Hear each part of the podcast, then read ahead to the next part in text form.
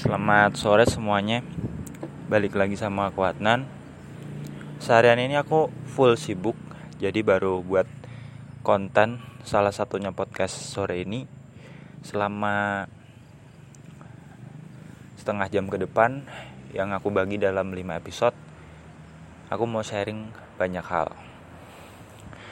Aku buat podcast tanpa skrip Tanpa persiapan Jadi dadakan karena emang udah biasa ngomong. Hari ini aku mau sharing tentang impian-impianku.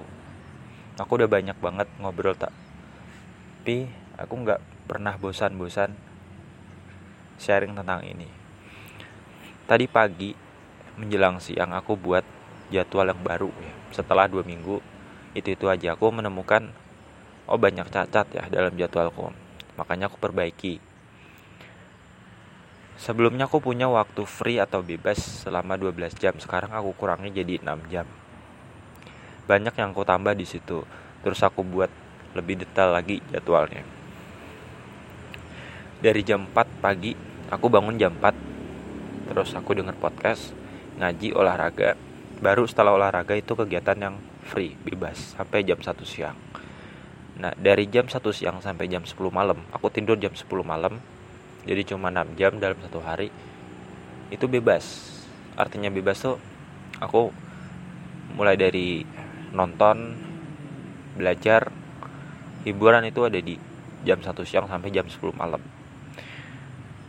Gimana kalau ada kegiatan dadakan? Ya udah nggak perlu diganti di hari lain. Namanya dadakan ya harus dikerjain namanya hidup kan nggak sesuai rencana pun ya udah kita terima realitanya begitu. Itu soal jadwalku semoga bisa bertahan lebih dari satu bulan dua bulan bahkan setahun.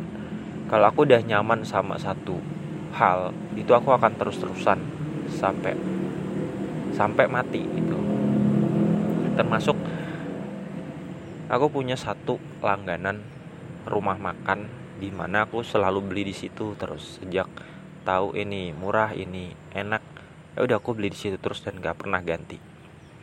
Jadwal itu kalau aku nyaman ya udah aku itu terus. Semoga ini buatku nyaman jadwalnya. Kayak sama kalau kayak perempuan. Kalau aku udah nyaman sama satu perempuan ya kan? Terlepas dari perempuan itu kayak punya masa lalu yang kelam atau gimana menurut kata orang ya aku tetap nyaman sama satu perempuan. Aku lebih setia sama satu orang dibanding kayak cari yang lain. Buat apa kalau sama satu orang aja udah nyaman ya kan? Toh jadi lelaki yang setia itu nggak baik buatku.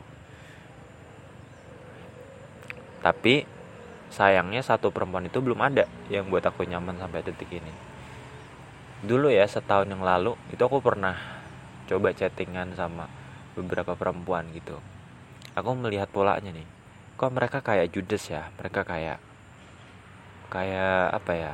Seolah mengusir aku gitu ketika aku bahas yang lain atau kadang cuma dirit atau apa. Aku nggak sakit hati.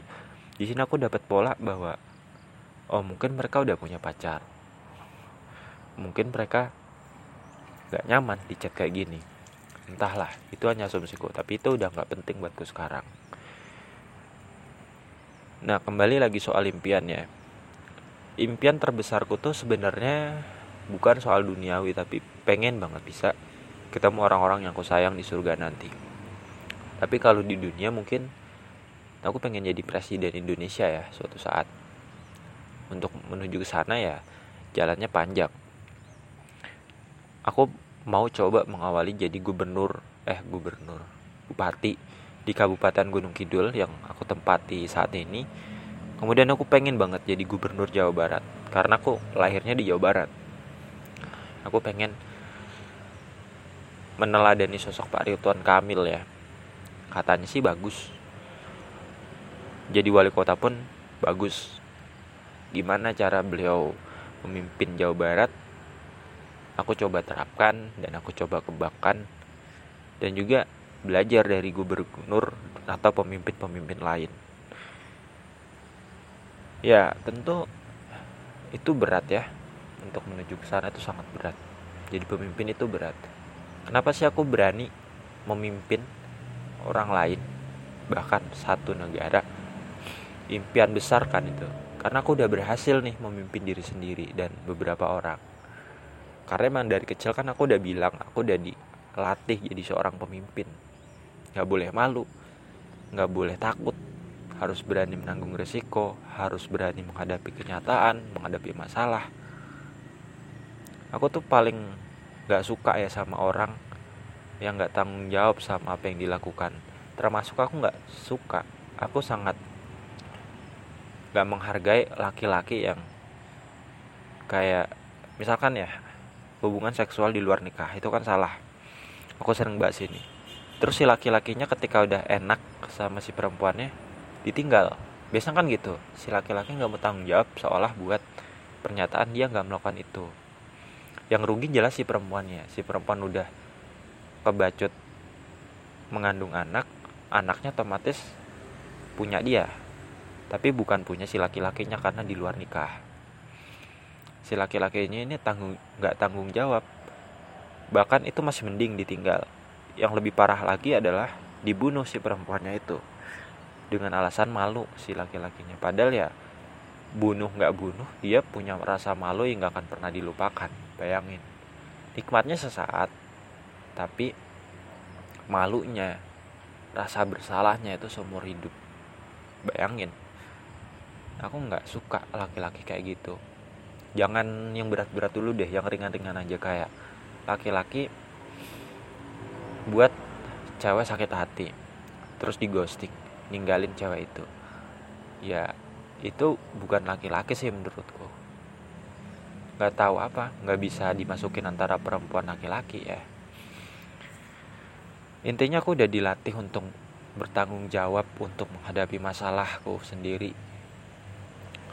Kayak nggak usah repotin orang lain dan semacamnya. Ini aku sambung di episode selanjutnya ya